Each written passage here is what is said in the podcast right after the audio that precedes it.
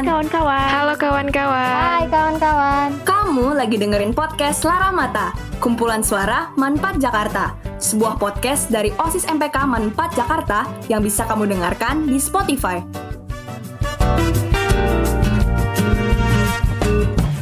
Coba uh, self experience lu deh tentang uh, mungkin ngabuburit lu pas Ramadan online sama offline. Ketika buka ini kan orang-orang dibagi menjadi dua kelompok lah. Jadi dua tim. Yaitu yang pertama Aduh, langsung makan. Langsung makan besar atau takjil takjil makanan kecil dulu nih. Lu masuk ke tim yang mana nih. Assalamualaikum warahmatullahi wabarakatuh. Selamat datang di Lara Mata di podcastnya OSIS MPK Manfaat Jakarta. Jadi untuk yang mungkin udah kenal gua, gua pernah menjadi moderatornya uh, Fontras di episode pertamanya Lara Mata. Oke, kali ini kita akan uh, mengulik lagi nih Kreatin 2021 di episode yang kedua.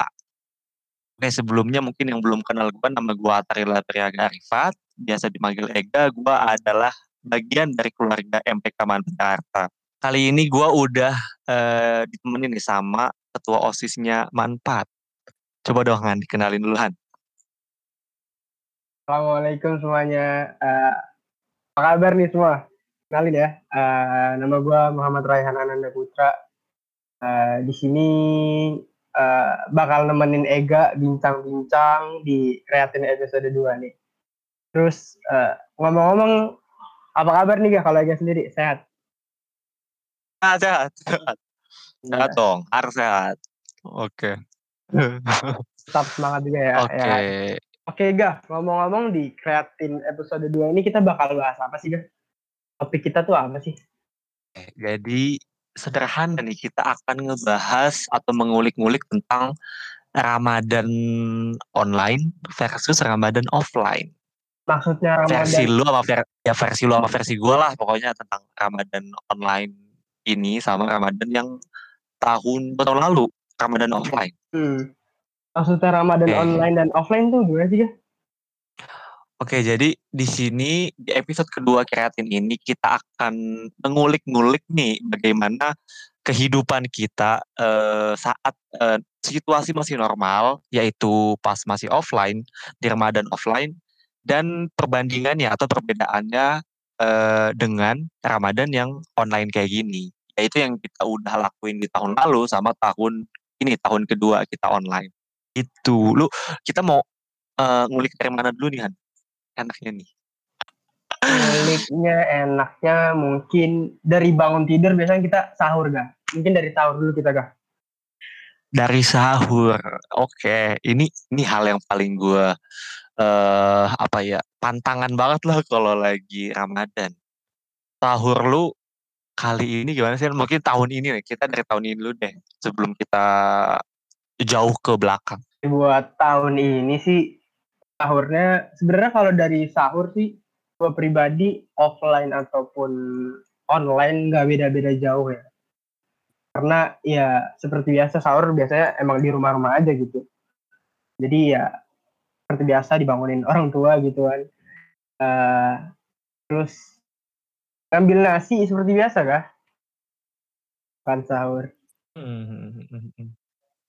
Oke, iya sih maksudnya kalau sahur emang nggak ada perbedaan sama sekali sih mau offline mau online karena ya ya kita sahur di rumah gitu kan. Jam- Oh, oh, ada nih gak mungkin. Biasanya Iya, tuh kalau tuh? kita Apa tuh? kalau kita online nih kita lebih sering uh, main HP atau kita le- lebih sering buka sosmed kita nih. Nah, pernah gak sih lu kayak lu buka sosmed lu dari abis teraweh sampai scroll scroll scroll terus callan sama temen lu atau call grup bareng temen lu zooman segala macem sampai lu udah nggak terasa itu udah tengah malam dan keterusan sampai lu nggak uh, sampai lu nggak sadar lu nggak tidur sampai lu tahu Nah. itu dia. Itu yang ngebedain mungkin zamannya offline sama online sih. Kita sampai pernah eh kolan mungkin dari misalnya habis taraweh sampai. Nggak kerasa tuh tiba-tiba udah udah ini aja udah ada sahur gitu kan udah peringatan sahur gitu dari masjid-masjid sekitar rumah gitu kan oke Eh, Eh, dari sahur. Bukan. Wah. Biasanya kalau sahur kayak gitu kan berarti kita nggak tidur nih kan. Heeh. Nah, otomatis kan kita kan sahur biasanya dibangun orang tua nih.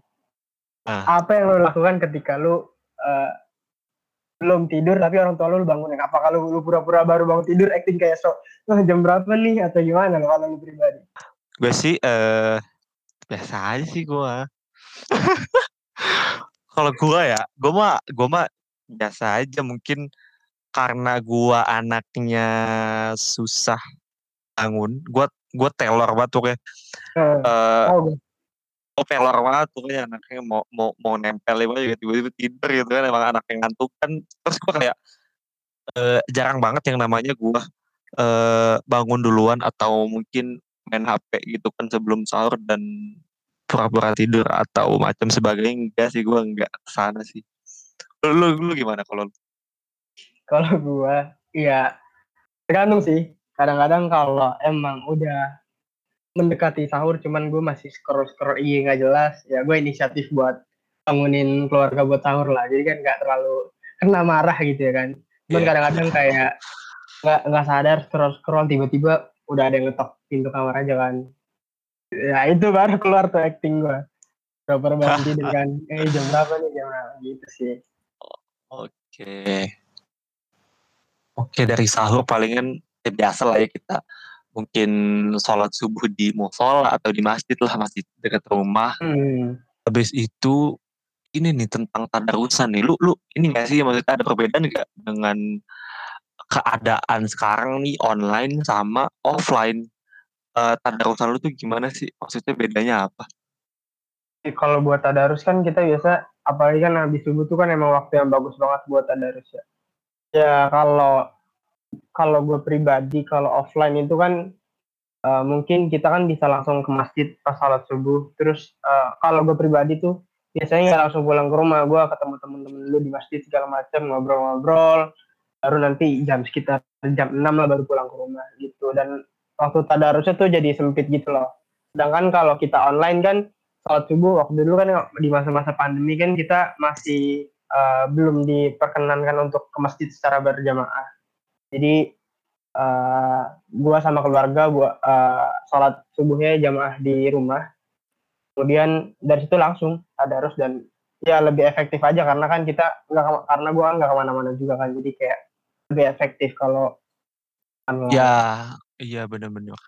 Lagi lagi keadaan kayak gini lah lebih banyak waktu sih. Gue juga merasa kayak apalagi waktu eh, setelah subuh kan waktu Hmm. di mana semua apa ya ibaratnya lu kalau tidur setelah subuh tuh rezeki lu tuh eh, dipatok ayam gitu kalau kata orang. Betul, Pokoknya eh apa ya eh, banyak ba- eh, kemanfa- berman- bermanfaatan setelah subuh ya itu salah satunya tadarusan dan itu yang tantangan sih buat eh, mungkin semua orang dan terutama gua apalagi di online gini kan ya kita di rumah doang dan ya udah tuh ketemu ketemu orang ke rumah mulu tuh.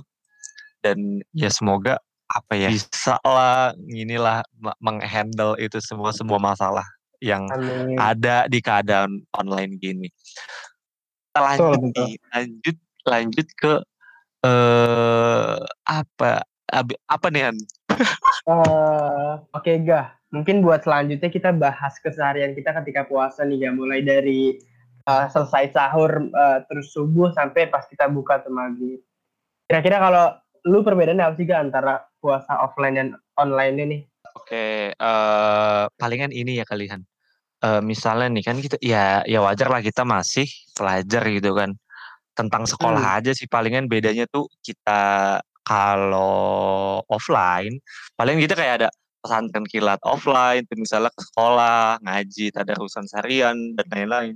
Dan ya bedanya sama online kita ya sa- pesantren Ramadannya tuh ya di di di Zoom aja gitu nggak ada nggak ada interaksi yang face to face dan bedanya apa ya maksudnya kalau kegiatan seharian sih lebih banyak waktu luang aja kalau kita ada di keadaan online apalagi karena Hmm. kita sekolah sekolahnya itu cuma dari jam 8 sampai jam 12 itu beda banget sih sama yang offline kalau kita tuh eee, dulu ya sampai jam 3 lah, terus lanjut buka puasa lah, mungkin kalau kita sebagai anak organisasi ada rapat segala macam, itu yang ngebedain sih palingan kalau online kita lebih banyak waktu luang, gitu nggak Hmm. sih?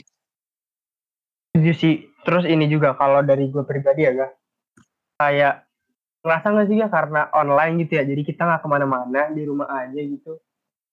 Beda gitu kan sama offline, kadang-kadang kita mungkin eee, dari pagi ada kegiatan atau kita keluar dulu ketemu temen atau segala macem, sampai nanti menjelang buka atau gimana lah.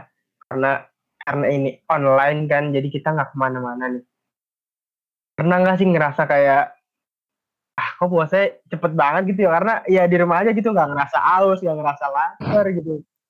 Jadi Bener kayak bener bener, bener banget sih, banget nih bener. puasanya gitu. Nggak terasa gitu lah ibaratnya karena karena di rumah aja gitu. Beda kalau Iya, kita ada keluar-keluar ke rumah dari rumah gitu ya nggak sih? soalnya soalnya gini Han, maksudnya kayak kita kita terlalu disuguhin dengan banyaknya waktu luang, sampai-sampai kita lupa buat, eee, apa ya, mengatur atau nge-manage lah, eee, ini waktu-waktu ini terlalu banyak luang sampai kita mungkin bablas tidu tidur aja gitu kan mungkin dengan Nah. maksudnya op akhir kegiatan itu kan palingan ujung-ujungnya tidur gitu kan, rebahan di kasur, main HP, ketiduran. Eee, berkala gitu maksudnya apa sih, rotasinya kan kayak gitu kan, maksudnya berulang-ulang.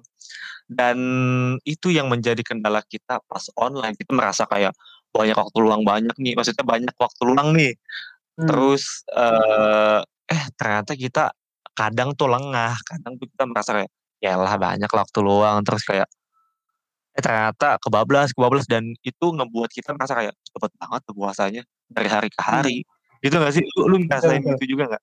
Apalagi kalau misalkan kayak tadi nih, kita kan, eee, misalkan kita dari habis tarawih sampai sahur nggak tidur yang kayak tadi gue bilang tuh. Itu kan otomatis jam tidur kita jadi ngaco kan, kita jadi ngalong kan, ya kan? Iya, bener Jadi bener biasanya bener banget. habis subuh, terus tadarus sebentar, terus tidur sampai zuhur gitu ya. Itu paling nggak berasa banget puasa karena bangunnya siang banget sih. Kadang-kadang jadi, ah udah asar aja, lah habis ini udah maghrib aja, jadi kayak cepet gitu loh kalau apalagi kalau kita ngalong jam tidur kita udah nggak jelas gitu, ya nggak? Iya, bener bener bener bener bener, sampai-sampai ya udah tuh ke apa sih, keulang mulu sampai 30 hari. Ya semoga nggak nggak nggak kejadian lah di di di kita gitu kan, sampai-sampai lewat semua gitu kan waktu-waktu luang yang seharusnya dimanfaatin, kayak gitu. Lu lu coba kita lanjut lagi nih, lanjut lagi ke pembahasan apa ya enaknya ya, coba, eee, self experience lu deh tentang, eee, mungkin ngabuburit lu pas Ramadan online sama offline. Bedanya apaan? Kalau online ya kan, biasa aja kan di rumah ya paling scroll-scroll sosmed, TikTok, IG segala macem tuh, paling ngabuburitnya yang paling asik selama online tuh itu aja kemarin sih biasanya. Cuman kalau offline tuh, wah biasanya nih ya, apalagi kalau ada saudara di rumah kan, itu abis asar, sholat, ya jam setengah-setengah lima lah.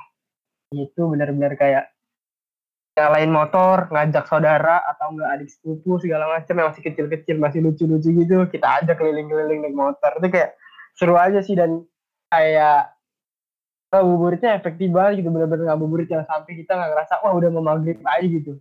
Itu sih paling yang momen yang paling gue inget kalau soal ngabuburit. Gitu sih, Kak. Kalau lu gimana, Kak? Oke. Gua sih gua sih apa ya, gua tuh gua tuh gini Han, gua gua, eee, karena kita Ramadan udah yang tahun kedua, gua sampai agak lupa agak lupa, dulu tuh gua ngabuburit ngapain aja ya, palingan, eee, pas itu kan berarti kita puasa offline itu pas kita masih Mmm. SMP, kalau gua pribadi dan Oh. lu juga. Ya betul. Dan, mmm, ngapain ya, kita kita juga udah, eee, peralihan dari SMP ke SMA dan mungkin, eee, apa ya, banyak yang sibuk masing-masing juga. Tapi kalau, eee, de main dengan keluarga sih itu lebih lebih banyak sih waktunya pas lagi offline dan ngabuburit yang efektif ya, ya itu ngabisin waktu sama keluarga Keluarga. gitu sampai Oh. Iya, bener bener. Betul Kayak gitu betul. deh pokoknya. Oke, Kak. Mungkin setelah ngabuburit nih kan, ini yang ditunggu-tunggu sama semua orang yang berpuasa gitu. Buka nih ya. Kalau lu perbedaannya apa nih, Kak? uh, buka buka puasa lu di bulan Ramadan online dan bulan Ramadan offline gitu. Atau nggak buka bareng deh gitu. Kan kita sering itu bukber bukber.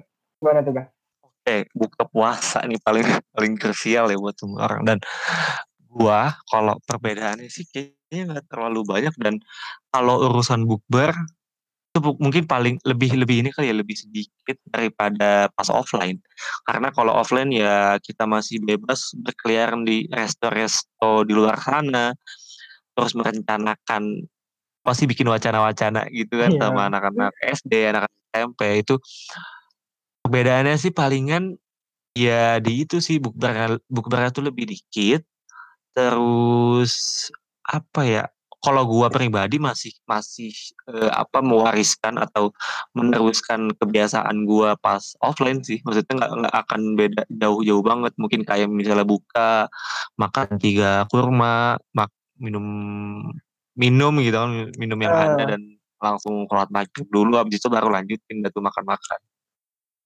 Kayak gitu sih paling. Kalau lu lu gimana sih? kalau gue pribadi ya jujur beda jauh banget kalau antara offline dan online. Mungkin kalau online tahun sebelumnya Ramadan tahun sebelumnya bener-bener sama sekali nggak ada yang namanya buka bareng tuh nggak ada nggak ada yang namanya bukber. Bener-bener ya udah ya buka bareng keluarga aja di rumah itu doang paling. Nggak ada yang kayak janjian sama alumni SMP alumni SD itu nggak ada sih. Cuman kalau offline itu biasanya kalau bukber tuh tuh yang paling gue tunggu-tunggu sih. Apalagi sama temen SMP dan temen SD itu kayak pasti kita tuh kalau bukber nih bukber nih. Buka maghrib kan buka terus isya pasti terus lah gitu. Nggak nyampe nggak nyampe isya terus pulang pasti nyampe malam kan ya sih. Lu gitu gak, gak? Iya pasti. Dan pastinya yang pasti banget nih mungkin semua orang kalau bukber tarawihnya kelewat dan itu kayaknya udah Nah. udah mutlak banget. Itu dia. Robohan yang diulang-ulang mulu gak sih? Iya. Itu apa ya jeleknya sih maksudnya jelek dari bukber kita Bukber, mungkin nah. kayak eh, karena momennya juga susah didapatnya momentumnya tuh susah didapatnya jadi kita mungkin lebih pengen banyak ngobrol sampai-sampai ya lupa kalau waktunya tuh tetap tetap normal gitu kalau ada taraweh ada isya gitu gitulah. Betul betul. Nah nih gak kalau lu pribadi nih gak ketika buka ini kan orang-orang dibagi menjadi dua kelompok lah jadi dua tim. Yaitu yang pertama Aduh, langsung makan langsung makan besar atau takjil takjil makanan kecil dulu nih. Lu masuk ke tim yang mana nih? Oke. Kalau gue tim ini gue tim apa namanya takjil takjil tipis-tipis aja gue dan dan kalau pengen makan nasi itu suka-suka gue aja gitu. Pengen kalau kalau agak kalau habis taraweh lapar ya makan kalau kalau udah cukup ya langsung tidur kayak gitu maksudnya enggak enggak ini sih gua gua eh, kalau eh, bukber eh kalau buka kalau buka tuh enggak enggak makan nasi langsung tuh enggak kayak mungkin ada orang yang kayak Eh. gitu ya Nah, kalau gue nih, Gah, gue tuh tipe orang yang kalau buka langsung sikat nasi. Cuman ya gitu, porsinya jangan jangan yang terlalu kenyang-kenyang banget karena nanti jadi berat gitu, nggak tahu kenapa jadi malah mau ada niatan buat nunda-nunda maghrib gitu. Jadi emang harus kena nasi dulu, tapi porsinya dikit-dikit aja. Itu sih gue. Oke. Beda sih emang emang beda sih tiap orang dan ya gitu deh maksudnya beda-beda beda-beda dan pasti selalu ada perbedaan itu. Lanjut ke apa- nih kita ngebahas apa lagi nih gue udah udah Berarti habis buka, berarti taraweh taraweh ya taraweh lu lu ini gak sih taraweh di masjid rutin gitu gak sih maksudnya masjid dekat rumah lu deh eh ngadain taraweh rutin gak? kalau yang di tahun lalu tuh benar-benar nggak sama sekali. Kalau tahun lalu tuh yang benar-benar awal pandemi itu benar-benar off sama sekali. Jadi kalau gue pribadi tuh pas eh, tahun kemarin itu salat tarawehnya benar-benar di rumah sama keluarga aja gitu. Dan ya lebih mungkin lebih lebih terasa aja gitu kan kekeluargaannya asik kekeluargaannya. Jadi kayak hampir satu bulan tuh Oke. uh, full kita terawihnya bareng gitu di rumah. Mungkin kalau cuman kan kalau kalau offline ya di luar pandemi itu wah, terawih itu kayak seru banget gak sih? Apalagi kalau ada teman-teman kita kan. Ya, apalagi ngeliat bocah-bocah perang sarung bah itu seru banget sih. Iya, Kalau lu gimana gak? Oh. Terawih lu. kangen banget sih. Kangen banget sih. Taraweh offline itu beda banget sih. Kita kayak punya kebebasan dan itu hilang seketika gitu se- semenjak tahun lalu kita kayak full banget sama gue juga sama tahun lalu tuh masjid gue dan semua masjid di Indonesia mungkin ya tapi ada mungkin ada sebagian Hmm. ya semua masjid tuh ya ditutup lah nggak boleh ngadain taraweh tapi mungkin di tahun ini be- be- beda lah sama yang tahun kemarin. Mungkin gue kayak ada musola kecil gitu di di dekat rumah gue ngadain taraweh lah biasa 8 rakaat taraweh dan tiga witir itu kayak kita kayak ada itu tadi gue bilang ada kayak kebebasan yang di dihilangkan gitu dengan keadaan ini keadaan online gini. Apa apa serba serbi online. Karena nih corona nggak hilang hilang dan semoga eh cepat musnah lah. Amin, amin, amin. amin. Banget gak sih? Kangen banget sih gue kayak itu tadi gue bilang perang sarung cuma itu gue udah lama banget sih nggak nggak ngelakuin itu zaman SD kali Sarung lu dulu merek apa gak? yang paling sakit tuh Wadimor kalau nggak salah. Sama gajah duduk. gajah duduk sih gajah duduk parah Selepet. ujungnya parah sih Arah cuy. Selepet. lanjut nih Oke. lanjut nih habis taraweh lu ngapain kan biasanya pasti banyak waktu luang tuh Ah, pasti banyak waktu luang tuh. lu ngerasa gak sih kalau Ramadan tuh lebih lebih hidup di malam ya? Ya gak sih? banget banget Nah, banget. ini- kayak kayak kayak manu- manusia nokturnal ya Maksudnya, ma- ketika di Ramadan tuh kayak ngalong banget kita malam-malam. Begadang lah ngelakuin apa yang pengen kita lakuin. Dan itu pas ada di Ramadan tuh vibrasinya tuh vibes-nya tuh beda banget gak sih sama, Ah, sama keadaan-keadaan yang lain gitu kalau gue sih biasanya, kalau gue ya biasanya kalau abis terawih itu ya main sama temen-temen itu itu yang yang inilah hampir jadi keseharian gue ketika selesai terawih ya. Jadi kita terawih bareng-bareng, selesai kita main, biasalah makan-makan atau di mana gitu kan. Makan-makan, nyari warkop, nyari warung terdekat, kita makan-makan di situ, jajan-jajan ringan lah di situ. Terus yang berasa banget ini loh gak, ketika kita misalkan kita temen dari temen kita kecil gitu. Ya dulu tuh biasanya main tuh abis terawih tuh mainnya main-main bocah gitu main petak umpet lah malam-malam segala ada aja yang dikerjain gitu. Ah, kalau main polisi maling segala mal segala macem gitu. Benteng ya kan? Beda Yoi. Dan- dan beda banget sama ketika kita udah ada di jenjang yang lebih tinggi daripada sebelumnya gitu. Ketika kita udah sama-sama eh, masuk ke masa remaja gitu masa yang yang udah masa peralihan lah dari anak-anak gitu kan. Atau kenapa sekarang lebih suka diskusi gitu loh mainnya bukan yang ya karena emang udah agak asik juga kali ya kalau sekarang main eh, Iya. polisi ma- apa malah asik. Bisa tuh dicoba ntar. Cuman kalau sekarang lebih diskusi lebih diskusi kayak lebih banyak ngobrol aja gitu daripada main. Dan di situ kadang-kadang bener bener bener. Itu gak Kalau gue sih, kalau gue sih ya mungkin beda banget sama offline. Atau mungkin sama gue, gue nonton film habis tarawih itu, wah itu satisfying banget sih dan dan itu ngebuat gue kayak gue tuh kalau nonton film, Eh, sih gue gua catat, gue catat nilai-nilainya yang terkandung di dalam film. Itu Masya yang Allah. apa ya?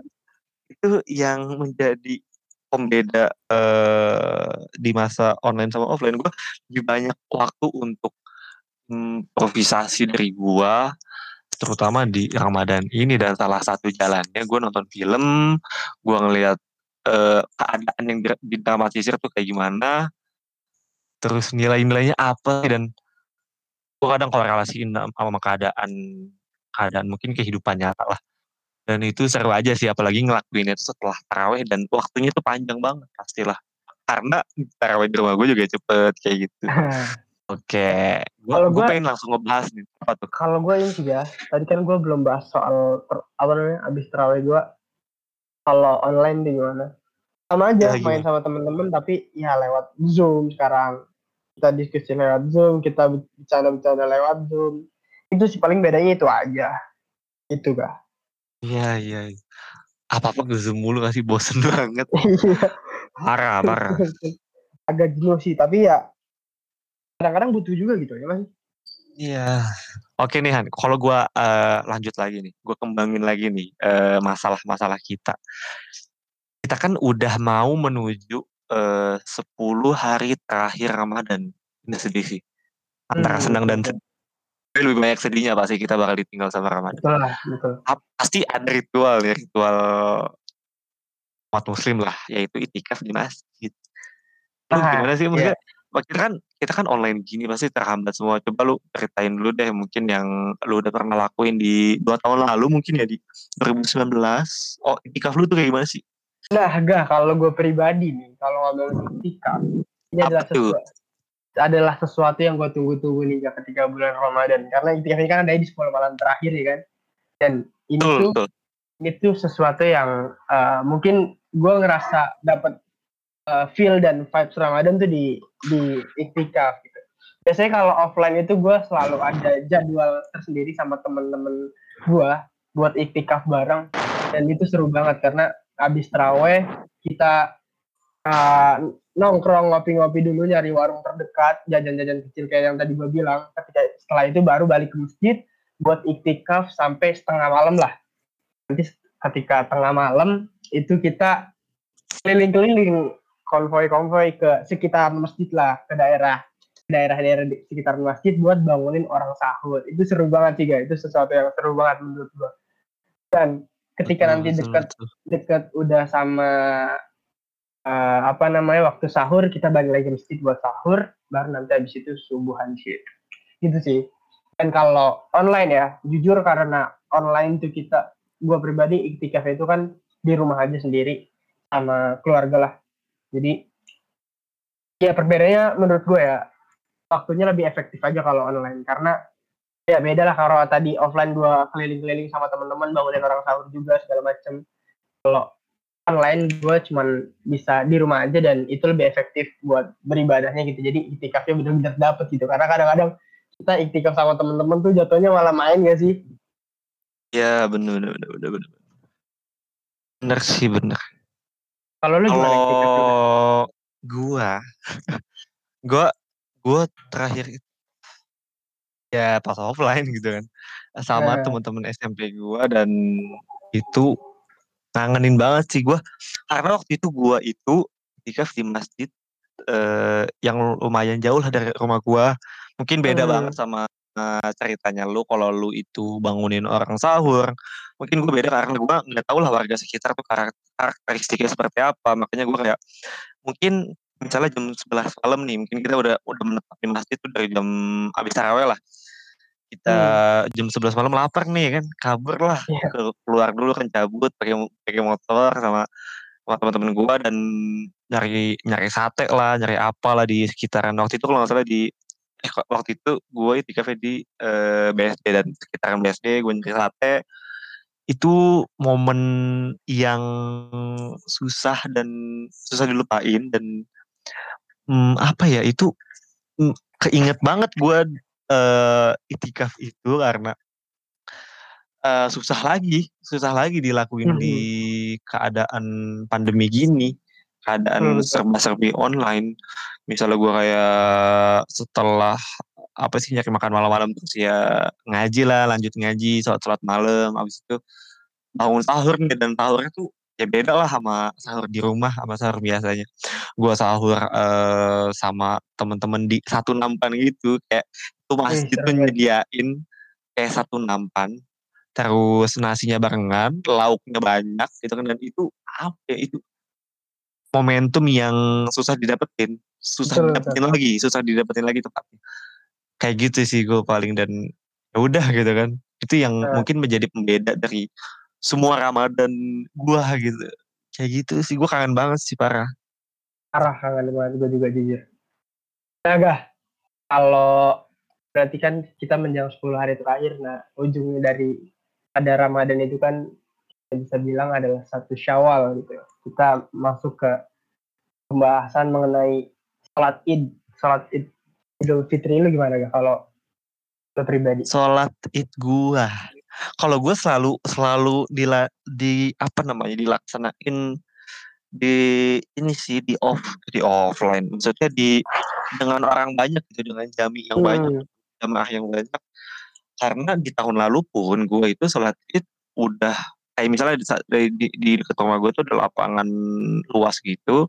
Pakai terpal lah terpal gede gitu kan. Kita sholat berjamaah ada tenda eh, macam sebagainya nggak nggak apa ya nah itu itu eh, gua sholat di situ di disediain lapangan gede dan pakai terpal itu karena masjid dekat rumah gue tuh laksanain sih cuman gua lebih apa namanya maksudnya di kampung guanya di sekitaran rumah guanya tuh lebih lebih nyaman untuk memilih kayak gitu gitu kan dan gua Hmm. eh, maksudnya apa ya gue belum belum pernah ngerasain sholat id di rumah gitu sih kalau gua kalau gimana Nah, gak. Kalau gua beda banget sama lu kalau soal Id- Idul Fitri nih. Karena sholat Id gua tahun lalu itu gua laksanain di rumah bareng-bareng keluarga. Ini sebenarnya satu momen yang bakal jarang kita temuin. Jadi menurut gue ini satu momen penting lah buat eh, gua. Karena kapan lagi tuh kita bisa sholat Id bareng keluarga dan di rumah gitu. Karena kan sebelum-sebelumnya kita selalu sholat Id ya di masjid sekitar atau di lingkungan sekitar gitu dengan jamaah yang banyak dan warga-warga sekitar juga. Cuman tahun lalu tuh emang spesial lah menurut gue karena bisa sholat id benar-benar sama keluarga doang dan itu sholat idnya di rumah. Gitu. Itu sih ya. Nah, Gah. Berarti kan ini kita udah mau menjelang 10 hari terakhir dari bulan Ramadan ya, Gah. Ada sesuatu ini, Gah, yang pengen gue sampein sih buat lu dan para pendengar nih. Kita kan tinggal 10 hari terakhir lagi nih. Dan eh, bulan Ramadan ini kan ya sama-sama kita tahu sama-sama kita tahu lah bulan Ramadan ini ada bulan yang penuh berkah. Di sini semua pahala dilipat gandakan, pintu ampunan dibukakan segala macam. Ini adalah bulan yang istimewa gitu. Dan lu ada perasaan sedih gak sih kalau ditinggal bulan Ramadan tuh? Ada nggak? sedih sih sedih banget karena yang sama-sama kita tahu Ramadan itu ya tempatnya ladangnya kita untuk eh, melipat gandakan ibadah-ibadah kita dan yang udah dijanjikan juga sama Allah kalau kita itu pasti pahalanya dilipat gandakan juga dan itu hadiah yang nggak ada di bulan-bulan lain gitu dan Ramadan doang yang menjadi spesialisasinya untuk itu untuk hal itu dan sedih banget sih. Maksudnya nggak bisa dipungkiri nggak bisa bohong juga nih hati. Kalau gitu sedih banget sih kalau kalau udah udah misalnya udah hari ke udah hari ke 20 gitu kan. Oh ini udah dikit lagi nih ini ini udah dikit lagi banget. Kita udah pengen nyampe ke sana dan semoga apa ya kita uh, paham situasi dan masih masih apa ya sadar lah punya kesadaran untuk untuk mungkin memaksimalkan penghujung Ramadan di tahun ini gitu gak sih lu lu gimana Nah, kalau gue pribadi nih, ga, gue tuh agak sedih ketika apa deh? Bulan Ramadan ini kan cuma setahun sekali kita rasain ya. Dan ada suatu momen di mana ketika Ramadan tahun lalu kita itu bisa puasa bareng-bareng sama keluarga kita, teman-teman kita, ataupun saudara-saudara kita yang lain. Cuman di tahun ini ada beberapa keluarga kita, saudara kita, atau teman-teman kita yang udah nggak bisa bareng kita karena uh, udah dipanggil sama Allah ataupun alasan-alasan yang lain gitu. Ya sih itu itu satu kesedihan juga buat gue dan yang ngeganjel di gue itu kita bakal ketemu lagi nih sama Ramadan di tahun depan dan kita bisa bareng keluarga kita. nah itu Iya. dia Itu dia gak? itu dia Yang- itu dia yang Yang, gini sih Han gue kayak em, kalau gue mungkin dari tahun kemarin ke tahun ini mungkin keluarga gue eh, alhamdulillah eh, mungkin masih masih sama dan dan mungkin yang gue rasain kehilangan itu ya mungkin temen-temen gue dengan keluarganya gitu. Mungkin ada yang beda mungkin gue bisa merasakannya juga kesedihan Hmm. itu. Mungkin kalau gue sendiri sih lebih ke eh, kesibukannya itu udah beda. Kesibukan mungkin eh, keluarga gue di tahun lalu kesibukannya beda dan di tahun ini juga beda. Itu yang apa ya mungkin kita waktu eh, ber- kebersamaannya tuh lebih lebih dikit dan beda aja gitu vibes-nya tuh beda aja dan Hmm. rasa-rasanya itu udah nggak akan sama sih mungkin kalau kata gue di setiap tahun dan di setiap Ramadan Iya, Betul. semoga di tahun-tahun berikutnya kita ketemu lagi sih sama Ramadan yang namanya Ramadan di bulan suci, bulan penuh apa bulan penuh ampunan dan itu udah jelas banget sih semua hadiah tuh ada di sana di di, di bulan Ramadan.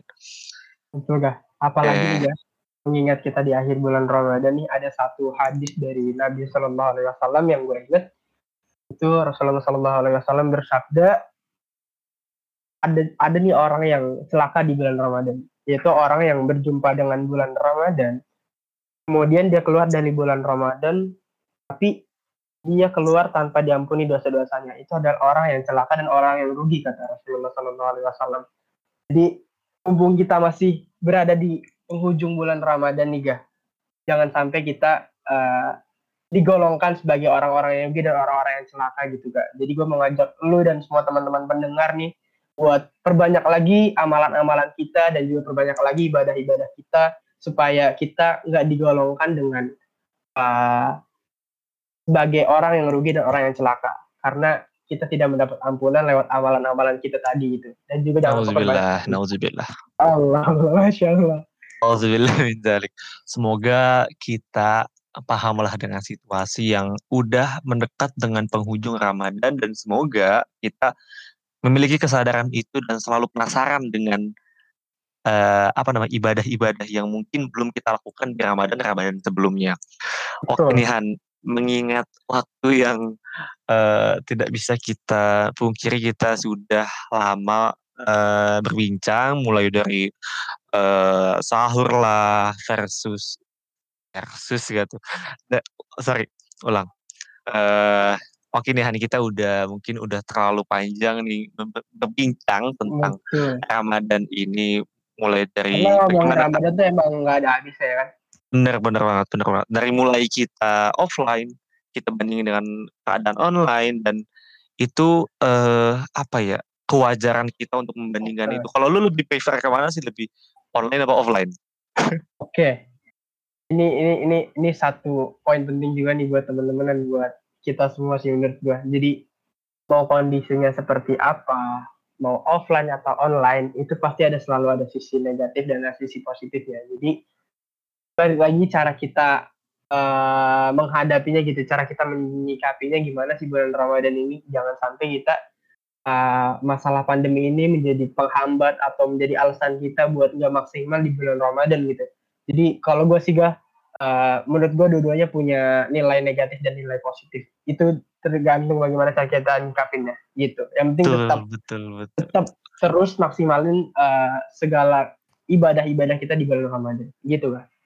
Betul banget. Karena ibadah tidak mengenal tempat dan waktu, apalagi situasi keadaan enggak sih? Betul. Oke. Asik. Pelajaran bisa pelajaran sederhana yang bisa kita ambil dari perbincangan kita kali ini kalau kita itu harus bisa adaptif dengan semua keadaan, kita paham situasi, kita beribadah maksimal tanpa mengenal keadaan yang seperti apa gitu. Dan Betul. semoga kita selaku atau sebagai umat muslim dan muslimah harus bisalah memaksimalkan dan mengoptimalisasikan ibadah-ibadah kita di bulan suci Ramadan. Setuju. Oke, terima kasih nih Han udah nemenin gue buat Sama-sama, ngobrol-ngobrol. Udah cukup panjang banget nih kita. Eh, mungkin teman-teman pendengar bisa mengambil eh, manfaatnya dan semoga eh, teman-teman termotivasi untuk menjadi eh, pribadi yang lebih baik. Betul. Ah, terutama saya dan Rehan. Eh, terima kasih nih seluruh pendengar yang udah mengamati perbincangan kita dari awal sampai akhir. Em, gua Ega. Dan gua Rehan. Kasih udah mendengarkan kita. Semoga banyak manfaatnya. Semoga kita selalu termotivasi untuk menjadi pribadi yang lebih baik. Sampai jumpa semuanya. Assalamualaikum warahmatullahi wabarakatuh. Bye guys.